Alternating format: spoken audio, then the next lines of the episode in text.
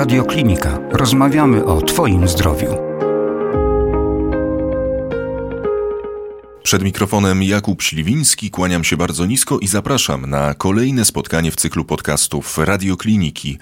Dzisiaj, Szanowni Państwo, podejmiemy temat chorób rzadkich, schorzeń, które funkcjonują, które być może nie są jeszcze dostatecznie zbadane, poznane, a które w sposób podstępny potrafią rujnować funkcjonowanie naszego organizmu. I jednym z takich rzadkich schorzeń jest choroba Goszera, o której porozmawiamy z naszym znakomitym gościem. Razem z nami na antenie Radiokliniki kliniki jest pani profesor Beata Kieć-Wilk, kierownik pracowni rzadkich chorób metabolicznych przy Katedrze Chorób Metabolicznych Kolegium Medicum Uniwersytetu Jagiellońskiego w Szpitalu Uniwersyteckim w Krakowie. Dzień dobry. Dzień dobry panie redaktorze, dzień dobry państwu. Pani profesor, niejako tytułem wstępu, czym jest choroba Goszera, co to za schorzenie i jaka jest geneza, ten rys historyczny tej choroby, która, jeśli mnie informacje nie mylą, została zdiagnozowana w już, a być może dopiero w 1882 roku. Proszę Państwa, choroba e, Gaucher, zresztą nazwa już jest dosyć nietypowa, należy do rzadkich chorób metabolicznych. Jest jedną z chorób spichrzeniowych, lizosomalnych chorób spichrzeniowych. Na czym polega problem? U pacjentów dochodzi do wrodzonego błędu, mutacji genetycznej, która powoduje, że jeden z enzymów lizosomalnych, enzymu, który odpowiada za rozkładanie substratów, które organizm normalnie produkuje w naszym organizmie, organizmie. Są to glukocerebrozydy. Właśnie ten enzym jest uszkodzony. Powoduje to niekontrolowaną akumulację produktu, który powinien być rozłożony, a teraz odkłada się w różnych tkankach równocześnie.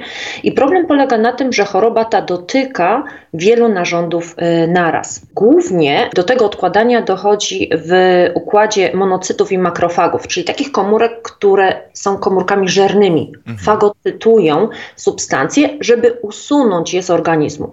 One zmieniają swoją morfologię, stają się takimi dziwnymi tworami, które właśnie nazywamy komórkami Gaucher i one osadzają się w tkankach. Jeżeli chodzi o historyczny rys, to wynika również nazwa tej choroby właśnie z historii. Dr Philip Gaucher właśnie w XIX wieku, pod koniec swoich studiów medycznych, postanowił popełnić pracę doktorską mhm. i opisał y, pacjentkę, która zmarła, wykonał autopsję jej i stwierdził, że w wyjątkowo dużej śledzionie znajdują się nietypowe komórki. Co prawda w tym momencie podejrzewał, że jest to pierwotny rak śledziony, Później okazało się, że jest to schorzenie metaboliczne, natomiast na cześć właśnie pana doktora nazwano tą chorobę chorobą Gaucher. Jeżeli chodzi o zasługi tego doktora dla badań nad tą chorobą, właśnie było to, że zwrócił uwagę lekarzy, że istnieje jakieś nowe schorzenie, które było wśród pacjentów, tylko po prostu było niedostrzegane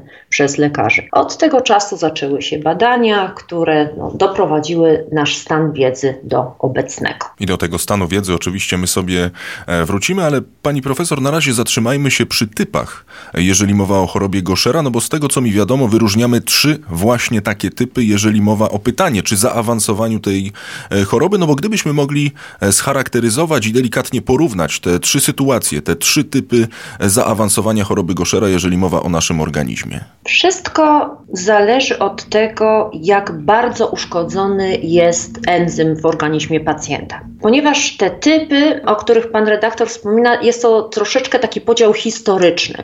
Ułatwienie dla nas, klinicystów. Wiemy, że w typie pierwszym, tak zwanym typie pierwszym, jest to taka najłagodniejsza forma choroby, gdzie dochodzi do uszkodzenia funkcjonowania enzymu, jednakże jest zachowana częściowa aktywność, tak zwana resztkowa aktywność enzymatyczna, która powoduje, że u pacjenta rzeczywiście rozwijają się objawy kliniczne, ale powstają one znacznie później, czyli na przykład w wieku szkolnym lub nawet dopiero u osób dorosłych i nie dochodzi do zajęcia y, uszkodzenia centralnego systemu nerwowego. W typie drugim paradoksalnie jest to najcięższa forma tak zwana niemowlęca.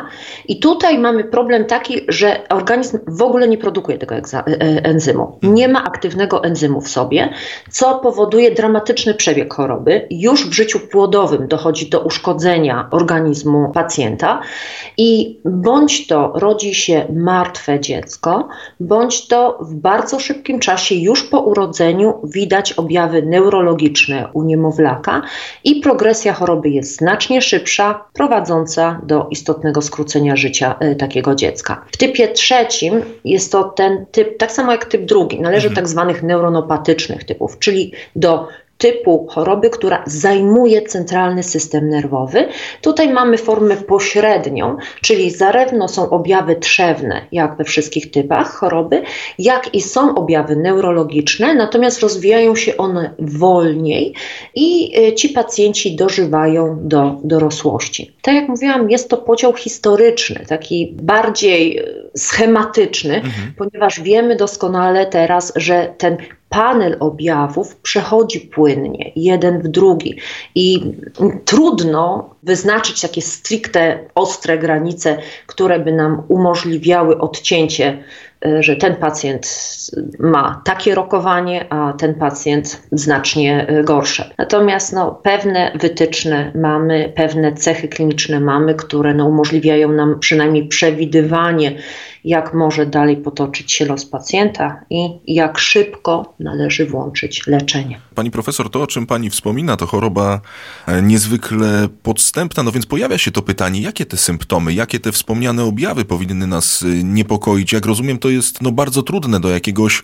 e, konkretnego wskazania, no bo z tego, co mi również wiadomo, no, choroba Goszera, jeżeli mowa o e, stopniu wykrywania i tego rozpoznania tego problemu, no to, no to tutaj sytuacja może być naprawdę różna. Możemy tutaj mówić o roku, możemy tutaj mówić o dwóch latach, no a być może i czasem ta choroba jest wykrywana dopiero po latach e, kilkunastu. Jak rozumiem, czy jest naprawdę aż taki problem, żeby tę chorobę zdiagnozować i właściwie ją rozpoznać? Problemów jest kilka. To, co pan redaktor był uprzejmy zaznaczyć, jest to choroba bardzo różnorodna. Obraz kliniczny może być różny. Problem polega na tym, że w obrębie jakby jednego schorzenia możemy mieć pacjentów skrajnie ciężkich i pacjentów funkcjonujących zupełnie prawidłowo aż do okresu dorosłości. Pierwsze objawy, które niepokoją przede wszystkim pacjenta.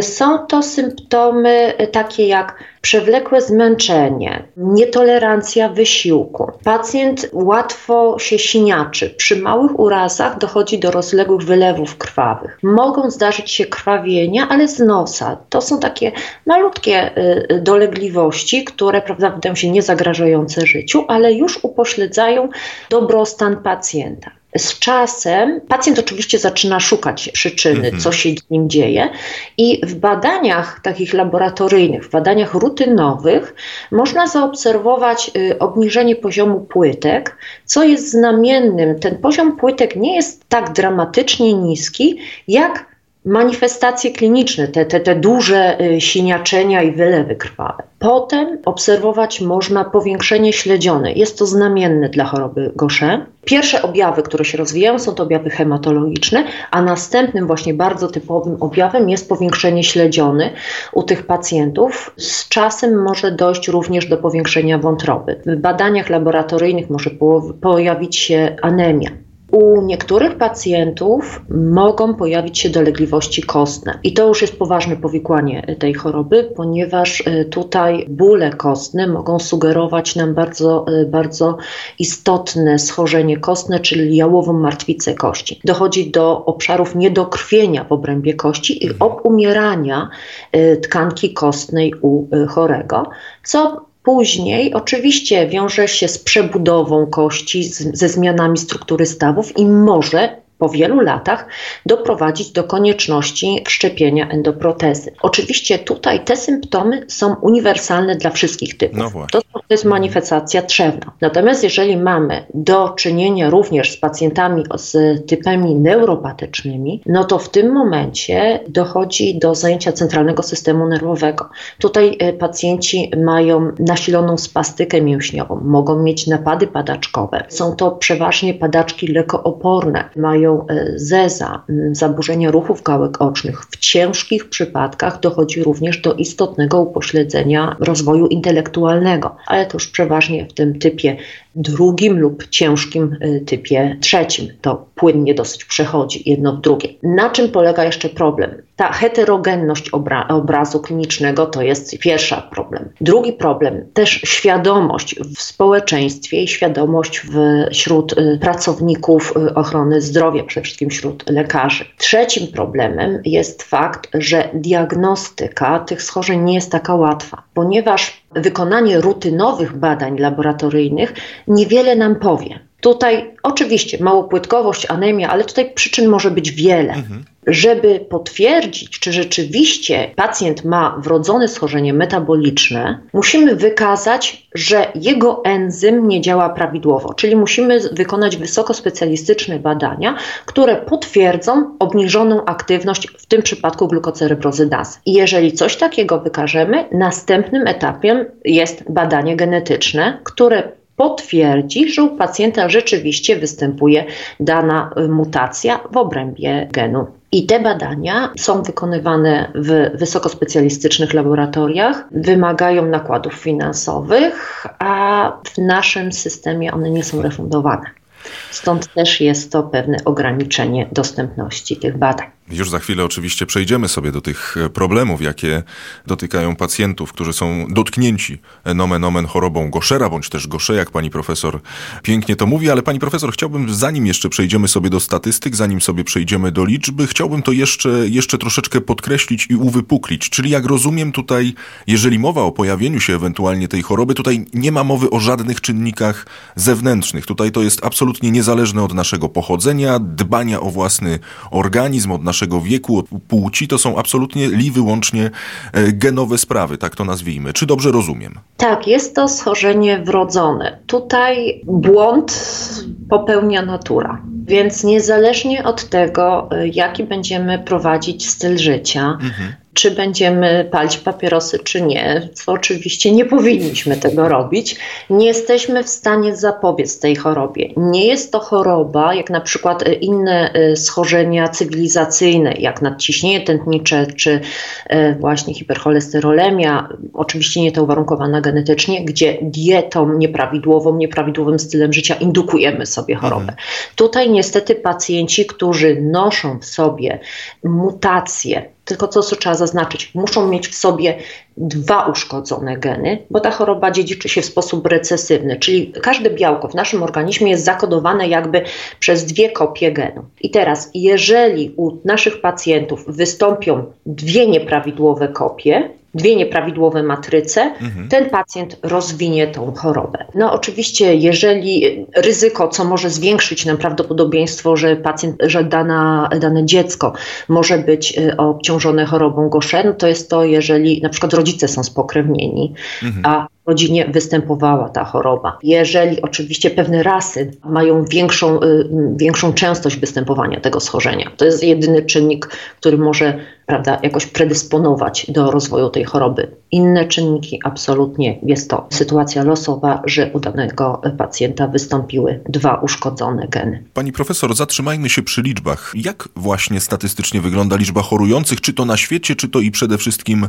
w naszym kraju, jeżeli mowa o tym schorzeniu? Czy dysponujemy w ogóle takimi liczbami, takimi danymi? Jeżeli chodzi o częstość występowania choroby Gaucher, są to dane szacunkowe, ponieważ problem polega na tym, że istnieją pewne bazy danych, które zajmują się prawda, y, rejestrowaniem y, mhm. pacjentów z danymi schorzeniami. Natomiast często są to niezależnie działające bazy, czasem dane się nakładają na siebie. To, co możemy tak z, z danych szacunkowych ocenia się, że w Europie Zachodniej ta częstość występowania choroby Gaucher waha się między 40 między 1 mm, na 40 tysięcy, a 1 na 150 tysięcy urodzeń w populacji y, ogólnej. Natomiast są obszary, na przykład w Szwecji, w regionie norbotiańskim, y, tam na przykład częstość występowania choroby Gaucher jest 1 na 17 tysięcy mieszkańców. Natomiast jak popatrzymy na całą populację szwedzką, mhm. to częstość występowania tej choroby jest 1 na 170 tysięcy. Także tutaj prawda, trudno ocenić. W Polsce szacuje się, że częstość występowania choroby Gaucher jest 1 na 100, 1 na 150 tysięcy. Są po prostu różne dane. Także wydaje się, że jest to mało prawda? Mhm. Natomiast y, jeżeli popatrzymy globalnie, no to w Polsce powinno być, już tak delikatnie licząc, około 250 osób z chorobą Gaucher zdiagnozowanych i większość z nich powinna być objętych leczeniem. A realia są takie, że w Polsce dotychczas mamy zdiagnozowanych mniej niż 100 osób. No i myślę, że właśnie te liczby i ta statystyka już w tym momencie powinna nam dać mocno do myślenia. E, pani profesor, skoro pojawiło się to magiczne hasło leczenie, no to właśnie przy nim e, chciałbym się już teraz zatrzymać, jako że pani profesor te kilka minut temu wspomniała również o problemach e, dotyczących pacjentów, którzy są, którzy zmagają się z chorobą Gaucher. Zatem zatrzymajmy się przy tym, jak przebiega owo leczenie, jeżeli mowa o tym schorzeniu. Pytanie, czy jest to schorzenie również i śmiertelne, no jak wpływa ono na to, to życie codzienne pacjentów. Jak rozumiem, tutaj również mamy do czynienia z tym typem zaawansowania tej choroby i tym, jak to wszystko później w naszym organizmie się dzieje. No i też pytanie się pojawia, czy to leczenie e, w przypadku pacjentów trwa e, do końca życia dużo pytań tak na raz, więc może po kolei. Jeżeli chodzi o leczenie y, choroby Gaucher, mamy pacjenci z chorobą Gaucher mają wyjątkowo komfortową, jeżeli chodzi o rzadkie choroby y, wrodzone, o wrodzone wady metabolizmu, sytuację. Hmm. Dlaczego? Dlatego, że w przypadku pacjentów z chorobą Gaucher mamy wybór terapii. Może być to enzymatyczna terapia zastępcza, która jest najdłużej stosowana i jest uważana za tak zwany złoty środek, złoty lek, jeżeli chodzi o terapię tego schorzenia. Również typy łagodniejsze, łagodniejsze formy choroby kosze mogą być leczone w, za pomocą y, terapii redukcji substratu. Teraz tak, enzymatyczna terapia zastępcza na czym polega? Proszę Państwa, jeżeli u pacjenta w wyniku błędu genetycznego nie ma aktywnego enzymu lub jest enzym uszkodzony, źle działający, dostarczamy egzogenny enzym w postaci dożylnego wlewu i ten lek przejmuje e, funkcję i zabezpiecza pacjenta przed progresją e, e, choroby, spowalnia przebieg tej choroby. Pewne zmiany w, w, organizmie pacjenta mogą zostać cofnięte w wyniku tego leczenia, na przykład poprawiają się parametry hematologiczne, pacjent się nie siniaczy, znacznie ma lepsze samopoczucie. Ci pacjenci mówią, że jak dostają to leczenie, jak rozmawiam z pacjentami, mhm. to niektórzy mówią, że jakby mają drugie życie, drugą mhm. Szansę.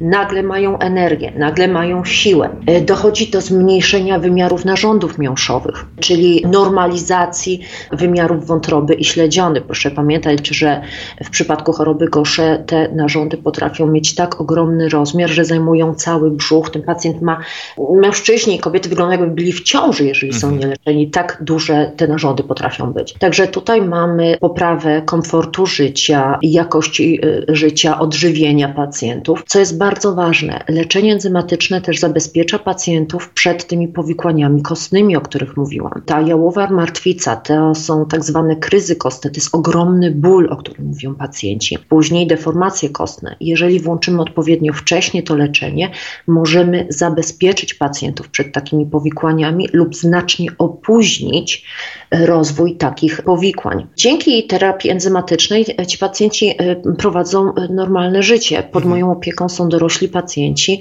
którzy prowadzą firmy, są informatykami. Mam pod opieką pacjentki, które są matkami, niektóre już urodziły dwójkę dzieci, także to leczenie przywraca tych pacjentów do życia, do normalnego mhm. funkcjonowania. Mhm. Drugą możliwą terapią jest terapia redukcji substratu, czyli tutaj stwierdzono, że skoro powstaje substrat, który jest nierozkładany w organizmie, zmieńmy szlaki metaboliczne, przestawmy pewne procesy, żeby ten produkt, który powstaje, był jakby opuszczany, że skoczmy ten etap i pójdźmy dalej. Tak, w dużym, w dużym skrócie. I taka terapia jest bardzo wygodna. To jest to terapia doustna, stąd pacjent ma większą swobodę w funkcjonowaniu. Natomiast tutaj są pewne ograniczenia. Nie każdy pacjent z chorobą Gaucher może dostać taką terapię. Jeszcze pa, pani profesor, właśnie czy samo leczenie trwa do końca życia pacjenta, jeśli można się przy tym aspekcie zatrzymać na momencik? Jest to schorzenie wrodzone, tak jak mhm. mówiłam. Błąd w pacjencie jest. Lek tylko spowalnia ten proces y, y, chorobowy, całkowicie go nie zatrzymuje. To też musimy sobie zdawać sprawę, pacjenci są o tym informowani i wiedzą. Natomiast stopień spowolnienia progresji choroby i, i regresja pewnych zmian no, warunkuje im bardzo dużą poprawę jakości życia. Oczywistym jest, że skoro pacjent nie ma tego enzymu, to tego enzymu nie będzie już miał no. do końca życia, więc musimy, znaczy, żeby zabezpieczyć tego pacjenta, żeby dać mu szansę na prawidłowe funkcjonowanie, musimy mu zabezpieczyć ten lek do końca życia. Tak jak są pacjenci z cukrzycą e, typu pierwszego, którzy nie mają insuliny i musimy im do końca życia dawać insulinę, no to tak tutaj mamy pacjentów, którzy nie mają enzymu, no to musimy im do końca życia dać ten enzym i dać to leczenie, które umożliwi im normalne funkcjonowanie i spełnianie ich roli w społeczeństwie. Pani profesor, gdybyśmy się mogli jeszcze na moment zatrzymać przy bolączkach, z jakimi borykają się właśnie pacjenci e, dotknięci tym schorzeniem. I tutaj również chciałbym się zatrzymać przy pewnej dacie, mianowicie przy pierwszym dniu lipca e, bieżącego roku, no bo wówczas e, pewne, jakże ważne, jakże istotne rzeczy, można powiedzieć, weszły w życie i chciałbym, żebyśmy tutaj troszeczkę ten temat naświetlili, no ale przede wszystkim skupili się na tym, z jakimi bolączkami, być może systemowymi właśnie, borykają się pacjenci dotknięci tym schorzeniem. Jak rozumiem, pan redaktor wspominając Początek lipca ma na myśli decyzję o przedłużeniu refundacji tak. I to jest właśnie ta bolączka, o której mówimy. Jeżeli chodzi o pacjentów z rzadkimi, z wrodzonymi chorobami metabolicznymi, to jeden problem, z którymi się spotykają pacjenci, to przedłużone opóźnienie procesu diagnostycznego. Jest lepiej, natomiast mhm. no, jeszcze do standardów europejskich troszeczkę nam brakuje. Jeżeli chodzi o dostępność leczenia, wszystko zależy od typu choroby, jaki pacjent ma, od rodzaju choroby. Akurat pacjenci z chorobą Gaucher mają y, leczenie refundowane w Polsce, tutaj mają szczęście. Natomiast okresowo przeżywają stres, ponieważ y, ta refundacja jest przyznawana na pewien okres czasu. I co pewien czas są negocjacje producenta leku oraz y, ministerstwa i podejmowana jest decyzja o przedłużeniu lub też nie refundacji leczenia. Jak na razie pacjenci z chorobą Gaucher mają szczęście i mhm. ta refundacja została przedłużona. Należy również pamiętać, że ci pacjenci z chorobami, z wrodzonymi chorobami metabolizmu, e, tak jak mówiłam, mają chorobę wieloobjawową, więc dotyczy ona wielu narządów. Stąd też opieka nad takim pacjentem wymaga współpracy specjalistów z różnych dziedzin: kardiologa, reumatologa, ortopedy, internisty, ginekologa w przypadku pań. I tutaj, ze względu na pewną specyfikę choroby, no dobrze jest, jeżeli ci specjaliści no, znają to schorzenie, nie boją się prowadzić takich pacjentów. I ważne jest stworzenie zespołu wielodyscyplinarnego, co w Krakowie nam się udało zrobić i mamy taki zespół. Natomiast rozmawiając z pacjentami z Polski i z kolegami z różnych ośrodków, to jeszcze nie do końca tak dobrze funkcjonuje. Ważna jest właśnie ta sieć ośrodków współpracująca ze sobą, wymieniająca ze sobą doświadczenia co do pacjentów, co do leczenia. Tu staramy się coś takiego zrobić z kolegami obejmującymi e, opiekę nad e, pacjentami z chorobą Gaucher. Zobaczymy, to wszystko wymaga e, czasu. Pani profesor, oczywiście choroba Goszeno to tylko jedna z tych e, chorób rzadkich, jakie występują. Gdybyśmy mogli nieco e, nakreślić, nieco naświetlić ten temat, z jak wieloma tego typu schorzeniami my mamy do czynienia, z tymi nieodkrytymi, z tymi rzadkimi chorobami i jak Pani zdaniem aktualnie wygląda ta e, samoświadomość Polaka na temat chorób rzadkich, jakie funkcjonują. Oczywiście my organizujemy różnego rodzaju międzynarodowe dni danych chorób, no ale pytanie, jak to rzeczywiście wygląda okiem specjalisty, okiem kogoś, kto ma do czynienia, kto ma styczność z pacjentami niemalże na co dzień. Jeżeli chodzi generalnie o e, choroby rzadkie, nazwa wynika ze statystycznej częstości występowania danego schorzenia. Natomiast musimy pamiętać, że określenie choroby rzadkiej jest to ogromna grupa chorób, które się różnią obrazem klinicznym, przyczyną, y, również dziedzinami, bo mamy rzadkie choroby kardiologiczne, reumatologiczne, metaboliczne, gastrologiczne. Y, w obrębie rzadkich chorób metabolicznych mamy właśnie te lizosomalne choroby mhm. spichrzeniowe, do których należy m.in. choroba Gaucher, ale jest tam ogromna grupa również innych schorzeń. Żeby unaocznić problem, może powiem w ten sposób. Dotychczas zidentyfikowano między 8 a 8,5 tysiąca rzadkich chorób samych jednostek chorobowych. Mhm. Także w tym momencie, jeżeli popatrzymy na to globalnie, to na świecie szacuje się, że 350 milionów osób jest dotkniętych schorzeniem rzadkim. A jeżeli popatrzymy na samą Polskę, to populacja osób, którą dotknęły choroby rzadkie, wynosi między 2,5 a 3 miliona Polaków. Wow. I w tym momencie widzimy zakres problemu. Stąd też y, jest to problem globalny i, tak jak mówię, wymaga podejścia systemowego. W Unii Europejskiej powstały specjalne sieci referencyjne. Są to sieci gromadzące ośrodki wyspecjalizowane w opiece i leczeniu danych chorób rzadkich. Jest sieć ośrodków referencyjnych dla rzadkich chorób neurologicznych, sieć ośrodków referencyjnych dla rzadkich chorób y, nefrologicznych i jest właśnie sieć ośrodków referencyjnych dla leczenia rzadkich chorób metabolicznych, tak zwany Metabern.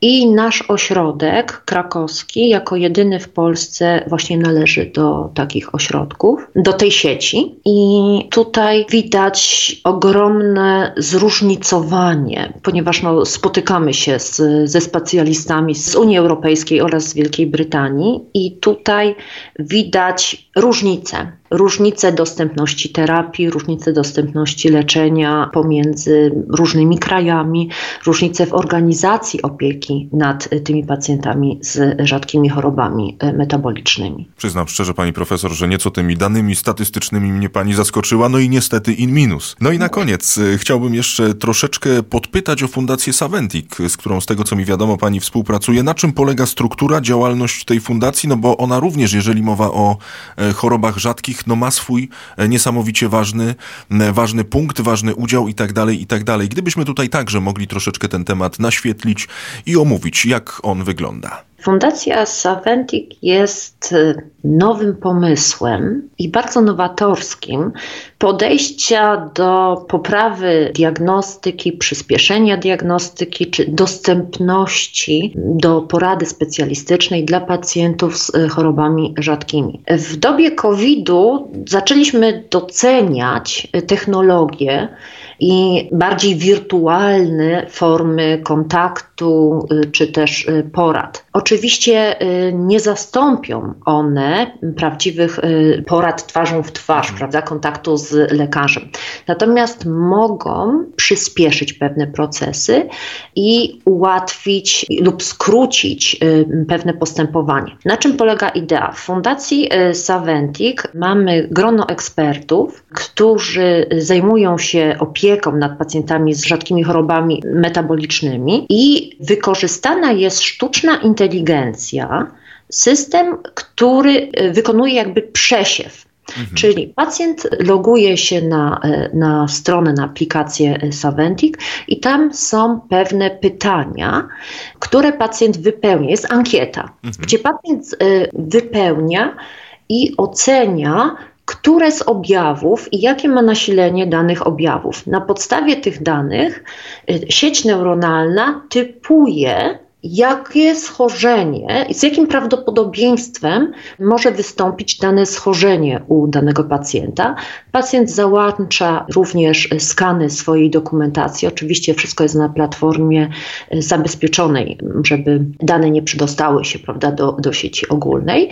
I później te dane są przekazywane do ekspertów, którzy specjalizują się w danej dziedzinie. Czyli jeżeli dany pacjent jest wytypowany, że u niego z dużym prawdopodobieństwem może wystąpić schorzenie, na przykład y, choroba Gaucher, choroba Fabriego czy mukopolisacharydoza, wtedy jest zapytanie do eksperta, mhm. co on o tym sądzi. I w tym momencie już wchodzi czynnik ludzki, taki jak ja, mhm. i przeglądamy dokumentację pacjentów, patrzymy na ankiety i oceniamy, czy rzeczywiście istnieje prawdopodobieństwo, że u tego pacjenta może wystąpić dane schorzenie metaboliczne i wtedy sugerujemy wykonanie testów y, suchej kropli krwi, bądź też mówimy, że jednak na podstawie tych objawów można wykluczyć y, to schorzenie, a objawy mogą sugerować schorzenie z innej dziedziny. Czyli to jak najbardziej nowatorska i